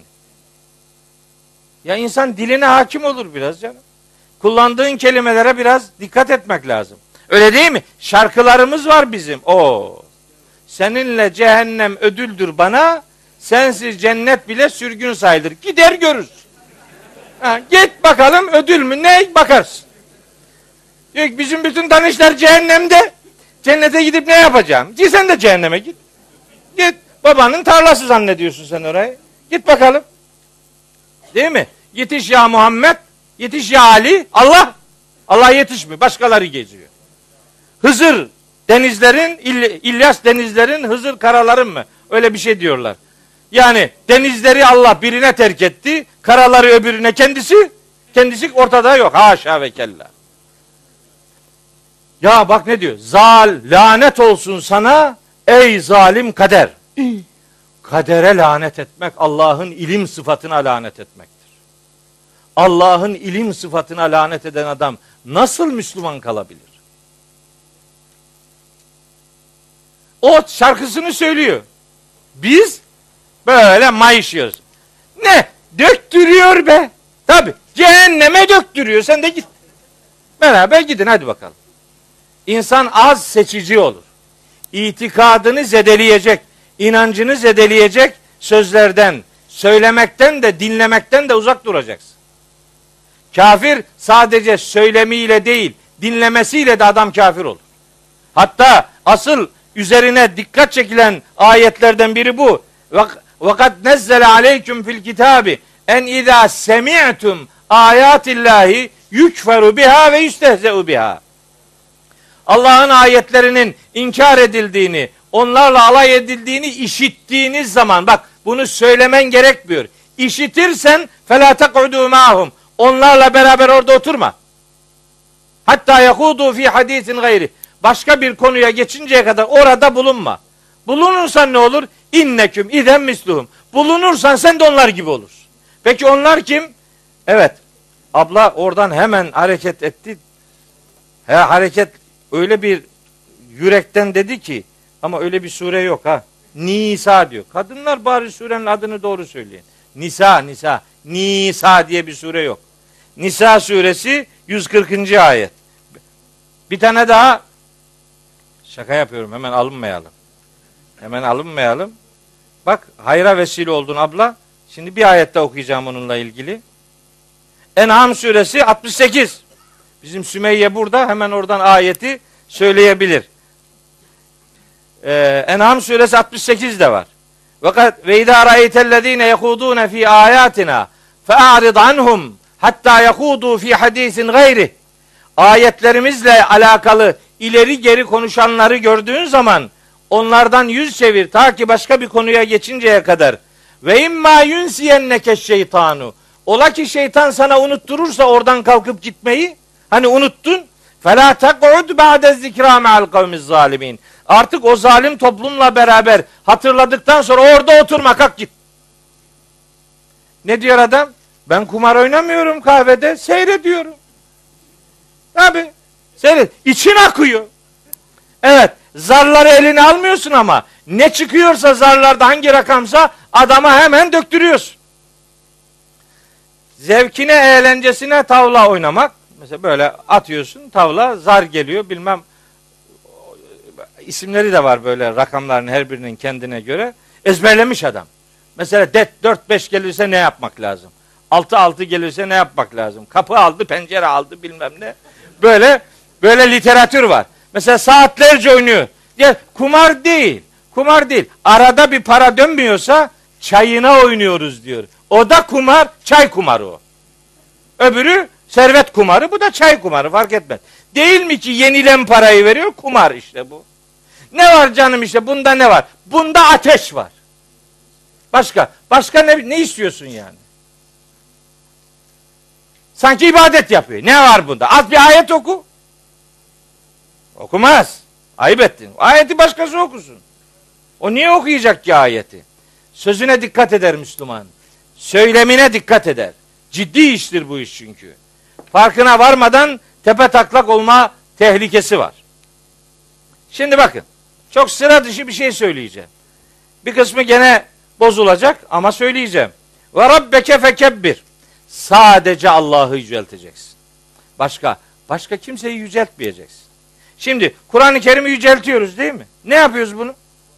Duvara asıyor, raflara, en yukarıya. Niye? Belden aşağıya düşmesin diye. Yüceltiyorsun bunu. Ben de böyle muziplik yapıyorum. Diyorum ki ikinci kattakinin neresine gelecek? Sizin evin üst, üst kattakinin neresine gelecek? Arada kiriş olsun, kolon olsun. Dert mi? Onun altına geliyor işte. Senin saygın bu.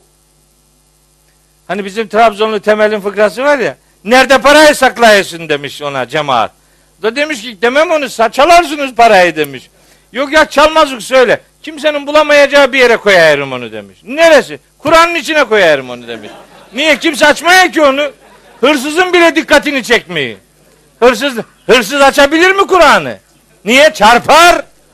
Ya çarpan Kur'an var. Kur'an çarpıklıkları gidersin diye gönderilmiş bir kitap. Bizimkinin yemini çarpan Kur'an. Kur'an çarpsın şöyle. Çarpmaz böyle yemin olmaz ya. Çarpan. Çarpmaz çarpmaz. Çarpıklıkları giderir bu kitap. Yüceltmek. Senin Kur'an'ı yüceltmene Kur'an'ın ihtiyacı yok. O zaten kaynağı itibariyle yücedir. Kur'an-ı Hakim'dir. Kur'an-ı Mecid'dir. Kur'an-ı Aziz'dir. Bu zaten kaynağı itibariyle yücedir. Kur'an'ın indiriliş gayesi senin onunla yücelmeni sağlamasıdır. Sen yücelesin diye geldi bu. Bunu böyle böyle yüceltmeyle görüm, görevini yerine getirmiş olmazsın. Buradan hareketle kalkıp da sakın ha Kur'an'ı yerlere atın falan demiyorum ha. Sakın haşa ve kella böyle bir şey söylemiyorum. Elbette. Ama saygının anlamlı olabilmesi doğru bir saygı üretmeyle mümkündür. Yanlış saygı e, ölçüleri ortaya koyup da asıl saygıyı hayatın dışına itmenin bir alemi yok. Ey Kur'an sana çok saygılıyım ama hiçbir dediğini yapmıyorum. Saygı mı bu şimdi? Böyle saygı olur mu? Saygı kime karşı duyuluyorsa ona karşı bir sadakat gerektirir. Sadakatin sıfırsa saygının bir anlamı yoktur. Niye Kur'an'da iman ve salih amel ifadeleri hep yan yana geçer? Niye tek başına iman adamı kurtarır diye ayet yok? Niçin? Çünkü tek başına iman bir iddiadır. O iddianın ispatı salih amelle mümkündür. Salih amelin yoksa imanın bir inançtan ibarettir. Adamı kurtarmaz. İmanın seni kurtarması onun salih amelle desteklenmesi şartına bağlıdır. Bilmem şu kadar ayette bunlar sayılır. İnnellezine amenu ve amilus salihati. Dolu Kur'an-ı Kerim. O itibarla saygı, sadakat ve fedakarlık ister. Sadakatin ve fedakarlığın olmadığı yerde saygın sadece bir slogandan ibarettir. Ve rabbeke fekebbir. Sadece Rabbini yücelt. Bu aynı zamanda sadece Allah'ı üstün tut. Sadece Allah'ı üstün gör demektir. Mekke'de bunu demek aynı zamanda başka varlıklara üstünlük, yücelik atf etme demektir. Başka tanrılar edinmeyin. Artçı tanrılar edinmeyin. Başka yücelikler devreye sokmayın demektir. Hatta ben ve rabbeke fekebbir ayetinin bu ayetin namazlardaki iftitah tekbirinin delili olduğu kanaatindeyim. Ve rabbeke fekebbir sadece Rabbini yücelt, Rabbini tekbir et demek namazlarda namazın rükünlerini Kur'an'ın dışında aramaya gerek yok. Kur'an'ın içinde var bunlar. Kıyamı da var, kıraati de var, rükûu da var, sücudu da var, teşehhüdü de var, tekbiri de var, hepsi var. Bulmak istersen var. Bulmak istemezsen yapacak bir şey yok zaten. Bulmak istemiyorsan ne yapalım ben? Başka yerden bulursun. Ama Kur'an'da var bunlar.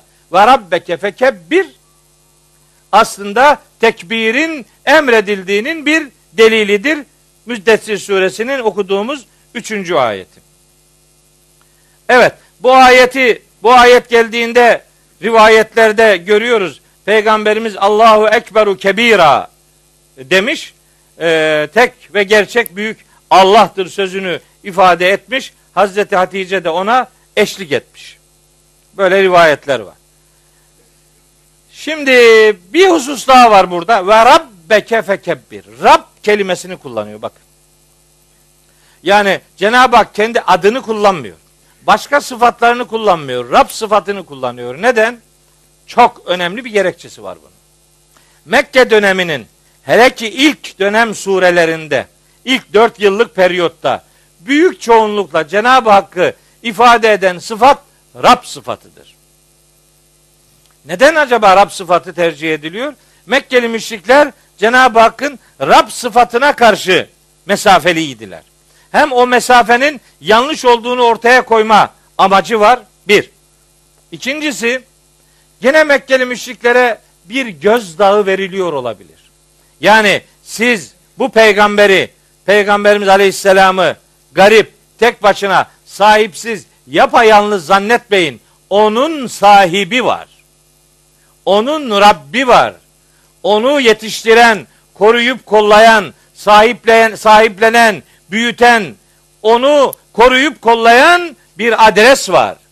Onu tek başına mağdur, mazlum gibi algılamayın. Sahibi var. Ona karşı düşmanlığınız Allah'a düşmanlıkla eş değerdir demeye getiriyor. Yani haddinizi, sınırınızı iyi bilin. Bir anlamı budur. Gene Mekkeli müşriklere yönelik. Bir anlamı peygamberimize yöneliktir. Ey peygamber sen yapayalnız değilsin. Seninle beraber Rabbin vardır. Sen sahipsiz değilsin. Seni koruyup kollayan sahibin vardır. Peygamberimize moral vermesi amaçlanıyor.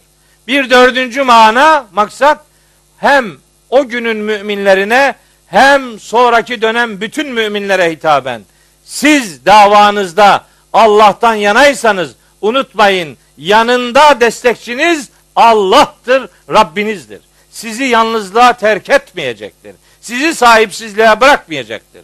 Onun için hakikat bazen bir kişiyle de temsil edilir. Sakın ha kalabalıklar yanıltıcı olmasın. O filancanın şu kadar adamı var. Hiç dert değil be. Hiç dert değil. Hazreti Nuh'un karşısında şu kadar insan vardı. Firavun'un güdümünde bu kadar avanesi vardı. Hazreti Hud'un karşısında Ad kavmi şu kadar medeniyette zirve yapmışlardı. Semud kavmi şu kadar ileriydiler. Ne oldu? Bir gürültü hepsinin işini bitirdi. Hakikat değerini kaynağından alır, referansından alır. Ne kalabalıklardan ne de geçmişten gelişinden hakikat değerini almaz. Onun içindir ki Nahil 120. ayette beyan edildiği gibi inne İbrahim'e kâne ümmeten tek başına İbrahim bir ümmet idi. Bir kişi bir ümmet olabiliyorsa ey Müslüman ümitsizliğe, bıkkınlığa ve yılgınlığa yer yok. Sen yanı başında Allah'ı hissedeceksin. Allah seninle ise alem düşman olsa kaç cezar. Dert değil. Alem dostun olsa Allah sana karşı ise yazık ettin ömrüne demektir. İşte ve Rabbeke fekkebbirin böyle dünyaları var. Biraz etraflı düşünmek lazım. Sonra dördüncüsü ve siyabeke fatahhir. Çok önemli bir şey söyleyeceğim bununla ilgili. Ve siyabeke fatahhir. Birkaç tane şey var. Anlam ihtimali var bu ve siyabeke fatahhir. Şimdi hani kum emrini yataktan kalkmak diye yorumladılar. Yorumlayan alimlerimiz bu doğrultuda ve siyabeke fatahhir ayetini de elbiseni temiz tut diye yorumlamışlardır. Bu yanlış değil tabi. Elbiseyi te siyah elbise demektir. Tahir temiz tut. Elbiseni temiz tut. Bu temiz demek. Maddi kirlerden arınmak manasında peygamberimizi de etrafındakileri de inşa eden bir emirdir. Ancak bu kelimenin siyah kelimesinin tahhir kelimesiyle beraber mecazi olarak elbiseni yani maişetini yani hayatını devam ettirdiğin enstrümanlar, araçlar her neyse onları tertemiz elde et. Yani kazancın helal olsun manasına da gelir. Helal helal elbiselerin olsun. Helal malın mülkün olsun. Helal gıdaların olsun. Sen helalden, temizden yana bir tavır ortaya koy. Bu ikinci manasıdır. Üçüncü manası elbiseyi temizlemeyle beraber bedeni temiz tut manası da var. Siyah kelimesinin kişinin bedeni manası da var. Bedenini temiz tut. Yani vücudun, cesedin temiz olsun. Siyah kelimesinin kalp manası da var. Kalbini temiz tut. Yani kalbini temiz tut demek. Yüreğinde şirk, küfür, nifak, inkar gibi arızalar bulunmasın. Allah'la beraber başka varlıklara üstünlük filan isnat etmeye etmemeye çalış. Kalbin Allah'la beraber tertemiz olsun. O inancı zedeleyecek, o inancı kirletecek herhangi bir arıza orada bulunmasın demektir. Bu dördüncü manasıdır. Beşinci manası, ey Muhammed gönlünü ferah tut. Yani şu kadar millet sana karşı diye moralin bozulmasın, gardın düşmesin. Maksat senin yardımcın ve destekçin Allah'tır. Öyleyse keteballahu le eglibenne ene ve rusuli. Allah hükme bağlamıştır. Ben ve peygamberlerim mutlaka galip geleceğiz. Ya eyyühellezine amenu in tensurullaha yansurkum ve yusebbit akdameküm. Siz Allah'ın dinine yardım ederseniz o da size yardım eder ve ayaklarınızı sabit tutar. Ve la tehinu ve la tahzenu ve entumul a'levne in kuntum müminin. Eğer gerçekten inanıyorsanız hüzünlenmeyin, gevşemeyin. Siz üstünsünüz. Şimdi Müslümanlar üstün değillerse inküntüm müminin şart cümlesini karşılayamadıklarıyla alakalı kendi hayatlarını sorgulasınlar. Ama Allah'tan yana olanlar neticede galiptirler. Dünyada da galip sayılırlar, mahşerde de ödülle buluşturularak galibiyet yaşayacaklardır. Ve siyabeke yani ödülle buluşturulacaklardır. Ve siyabeke fatahhirin böyle beş tane anlamı vardır. Yani Mekki surelerde böyle anlam çeşitliliğine dair çok örneklerimiz vardır.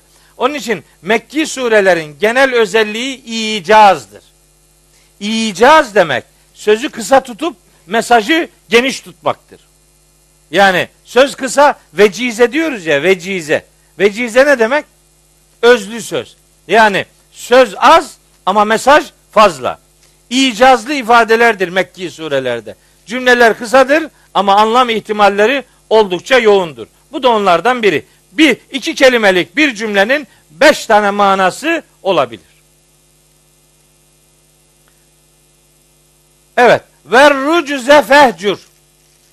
Beşinci emir. Ver rucze fehcur. Bir sayım döküm yaptım. O detaya girmek istemiyorum. Ricz, ricz, rucz. Birbirine yakın manalar veren kelimelerdir bunlar. Buradaki kasıt bütün pislikler, bütün kirliliklerden hem inanç olarak hem maddi anlamda. İnanç olarak şirk, küfür, nifak, inkar gibi ma- ma- manevi yani inanca yönelik bu arızalardan ve maddi olarak da necaset dediğimiz her türlü kirlilikten, pislilikten hem elbiseni hem vücudunu hem ibadet yapacağın yeri temiz tut. Hadesten taharet, necasetten taharet dediğimiz o namazın şartlarının iki tanesinin referansı bu ayettir. Yani hem büyük abdestsizlikten, kirlilikten arın hem necasetten arın. Pisliklerden uzak dur. Buradaki uzak durmak ebediyen uzak durmaktır. Yani toleransın olmasın. Vücudunda biraz pislik var onunla namaz kılayım falan. Hayır. Görünen pislikler necaset anlamında onlardan arınmak gerekir. Bana zaman zaman sorarlar. Sizin de muhtemelen ara ara aklınıza geliyordur. Biliyorsunuz abdest ayeti ne zaman geldi? Medine döneminin sonlarında. Hatta en son ayetlerin biri olarak bilinir. Maide suresinin 6. ayeti. Soruyorlar hocam daha önce Müslümanlar namaz kılarken abdest almıyorlar mıydı? Bu abdest ayeti vahyin en son döneminde geldiğine göre öncesinde ne vardı diye yani tarif edilmiş, detayı üzerinde durulmuş başka ayet yok. Maide 6. ayet var bir tane. İşte o sorunun cevabı bu ayettir. Ver rucze fehcur. Bütün kirliliklerden uzak dur. O necaset dediğin hem maddi kirliliklerden hem manevi kirliliklerden uzak durmak vahyin ilk ayetlerinin ilk emir cümleleri arasında yer alır. Dolayısıyla buradan kasıt sakın ha şöyle de algılanmasın. Bazen öyle de algılanıyor. İşte peygamberimiz pis miydi ki ona temiz ol diyor Allahu Teala. Hayır. Öyle de değil. Biz bunun pek çok örneğini biliyoruz Kur'an-ı Kerim'de. Mesela Fatiha'da okurken ne diyoruz? İhdina sıratal müstakim. Ya Rabbi bizi sırat-ı müstakime ulaştır. Zaten Müslüman olan bir adamın duasıdır bu aynı zamanda. Demek ki bizi müstakim yolun devamlı devamlıları eyle demektir. Yani müstakim yol üzerine devamlı eyle demektir. Hüdenlil muttakin mesela. Kur'an muttakiler için bir hidayet rehberidir. Zaten adam muttaki. Bunun bir daha hidayet rehberliğine ne ihtiyaç var? Var. Sporcu diliyle söyleyelim. Şampiyon olmak için çok antrenman yapman lazım. Çok çalışman lazım. Bir güreşçi düşünün veya bir boksör düşünün. Boksu da hiç sevmem ya. Ve adamın ağzını burnunu patlatıyor ondan sonra sarılıyor. Yani anlamadı ki bundan bir şey. Madem sarılacaktın niye vuruyorsun adama? Nedir bu yani? Güreş anlıyorum da bu boksu bir türlü anlamam. Bir de kickboks var. O hep canavarlık ya. Yani korkunç şeyler var. Böyle böyle spor programlarını zaman zaman seyrederim. Böyle bir ekstrem sporlar var. Onlarda her şey serbest. Öldürüyor adamı. Ha böyle vuracak ki kurtarsın. Yoksa o da ölüyorsun lan. Yani müdahale et de gidiyorsun yani. Ringde ölen sporcular var yani. Ne gerek var? Böyle yani meslek olarak spor yapmak doğru bir şey değil ki yani. Onu hobi olarak yapmak doğrudur. Meslek yaptığın zaman işte böyle helak oluyor. Şimdi ben öyle takım sporlarını pek sevmem. Ferdi sporları severim. O da güreş. Yaptığımdan değil yani. Beni yanında gören zaten güreşçi. Hamza Yerlikaya ile benim bir ufak uzak bir tanışıklığım var. Bir de o dünya ve olimpiyat şampiyonu vardı. Mahmut e, Mahmut yok ya Mahmut Demir. O o ağır siklette filan. Ben trafik kazası geçirdiğim yıl o da o e, dünya şampiyonu olmuştu. Böyle evde koma halinde yatarken onu seyrediyordum. Öyle öyle dua etmiştim ki Mahmut'a. Mahmut Demir. E, o, o sporları seviyorum ama ona o zaman derdim. Ya derdim arkadaş şampiyon olmak için ne kadar çalıştın? Derdik çok çalışıyoruz hocam. Evet şampiyon olmak istiyorsan çok çalışacaksın. Ama şampiyon olmak yetmez. Şampiyon kalmak lazım. Şampiyon kalmak için daha çok çalışman lazım. Nasıl olsa şampiyon oldum dedim antrenmanları aksatırsan hemen ünvan maçında yere yapıştırırlar adam. Hüdenlil muttakiyin. Kur'an muttakiler için hidayettir. Yani muttaki kalmak için Kur'an'a muhtaçtır herkes. Burada da aynı. Peygamberimiz pisti de ona temiz ol demek değil. Zaten temiz davranıyordu. Temizlik halin devam etsin. Mesaj ümmetedir. Herkes bu tür pisliklerden hem inanç olarak aykırılıklardan hem bedeni maddi pisliklerden uzak durmak ayetin emridir. Ondan sonra ve la temnun testeksir. Bu da çok muhteşem bir ayet. Bunun da 5-6 tane mana derinliği var ama detaya girmek istemiyorum. Şu kadarını söyleyeyim. Ve la temnun testeksir. Yaptığını çok görerek bunu muhatabın başına kalkma. Tam bizi anlatıyor biliyor musun? Gidiyorsun 5 paralık bir iyilik yapıyorsun. 25 kuruş adamın canını çıkartıyorsun. 3 kuruş yardım ediyorsun. Ondan sonra onu iki de bir söyleyerek perişan ediyorsun. İşte buna men ve eza derler. Kur'an'ın Kur'ani kavramlardır bunlar. İnfakını men ve eza ile iptal edenler Allah'a da ahirete de aslında inanmayanlardır der. Bakara suresi 264. ayette. Ve la temnun testeksir. Yaptığın iyiliği çok görerek onu milletin başına kalkma. Tam burada mesela şey çok önemlidir. Hücurat suresinin e, harikulade bir ayeti var. 10 17. ayet. Yemunnune aleyke en eslemu. Kul la temunnu aleyye islamekum. Belillahu yemunnu aleyküm en hedâküm lil imani in kuntum sadikin. Harika bir ayettir. Hücurat suresi 17. ayet. Başa kalkmayın. Müslüman oluşlarını senin başına kakıyorlar. Bak Müslüman olduk bu kıymet, bu iyiliğimizi unutmak. Çok iş. Benim için mi Müslüman oldun? Kendin için Müslüman oldun. Asıl size hidayet etti diye Allah size ikram ediyor. Allah'ın size olan nimetini hatırlayın. Bunu başa kakarak aleyhinize dönüştürecek bir yanlışlık yapmayın demeye getiriyor. Hem önce peygamberimizi uyarıyor, sonra da bütün vahyin muhataplarına böyle bir yanlış defolu duruşun sahibi olmayın demeye getiriyor altıncı görev olarak. Yedinci görev ise veli rabbike fasbir. Rabbin için sabret. Ne demek bu? Niye burada geldi? Veli rabbike fasbir. Bu ne demek biliyor musunuz? Bu anlatılan altı özellik var ya, bunları yaptığın zaman başına sıkıntı gelecek. Sıkıntı gelecek. Öyleyse o sıkıntılara göğüs germeye hazırlan. Kim hakikati söylüyorsa bilsin ki karşısına korkunç bir grup çıkacaktır. Eğer sözünden herkes memnun oluyorsa sözünde problem vardır. Bundan birileri rahatsız olması lazım. Rahatsız olanların sayısı fazlaysa bu senin hakikat üzere olduğunun bir delili olabilir. O itibarla Hazreti Lokman oğluna nasihatler yapıyor. Lokman suresinde hani onun oğlundan istediği 10 tane şey var, görev var. Orada diyor ki: "Ya bu neyye Akimis salate ve emur bil ma'rufi ve nha anil münkeri vasbir ala ma asabek. Yavrucuğum namazı kıl, iyiliği emret, kötülükten nehyet, başına gelecek sıkıntılara karşı da sabret. Ne demek bu? İyiliği emreder, kötülükten nehyedersen başına sıkıntılar gelebilir. Öyleyse o sıkıntılara karşı şimdiden göğüs gerecek ve onları onları efendim tolere edebilecek bir dik duruşun olsun. Ve bu sabrın zillet ve meskenet içerisinde bir sabır değil. Her ne tür baskı olursa olsun sen hakikatten yana duruşunu bozmama noktasında Allah'tan yanalıktan taviz verme. Sabir kelimesini Müzzemmil suresinde işlemiştim. Hangi edatlarla hangi anlamlara geliyor? O anlamları şimdi yeniden burada de e, gündeme getirmeye gerek yok. Rabbin için sabret. Sabrının adresi Allah rızası olsun. Allah için sabredersen ödülünü Allah'tan bekleyeceksin. Ve li rabbike fasbir. Zaten sabrının adresi sadece Allah olsun manası var. O li rabbike'nin öne gelmesinin sebebi budur. Sadece Rabbin için sabret.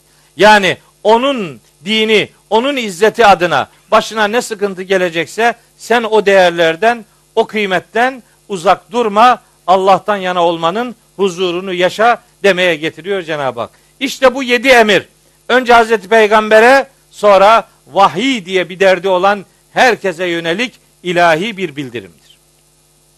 El müddessir olan Hazreti Peygamber'i şekillendiren bu ayetler müddessir olma sevdasındaki her Kur'an talebesine yönelik bir hayat inşası projesidir. Bu projeleri hayatımıza nakletmek, hayatımıza nakşetmek, Kur'an'ı bu anlamda hayatımıza taşımak, Kur'an'a taşınmak ve sonuçta da Kur'an'ın bizi cennete taşıması için bir fedakarlık ortaya koymak durumundayız. İşte Kur'an'dan hayata pratik çözümler mesela bu surede yedi madde olarak önümüze serilmiştir. Bu maddeleri hayatının vazgeçilmezi yapan Kur'an yiğitlerine selam olsun diyor ve hepinizi Allah'a emanet ediyorum.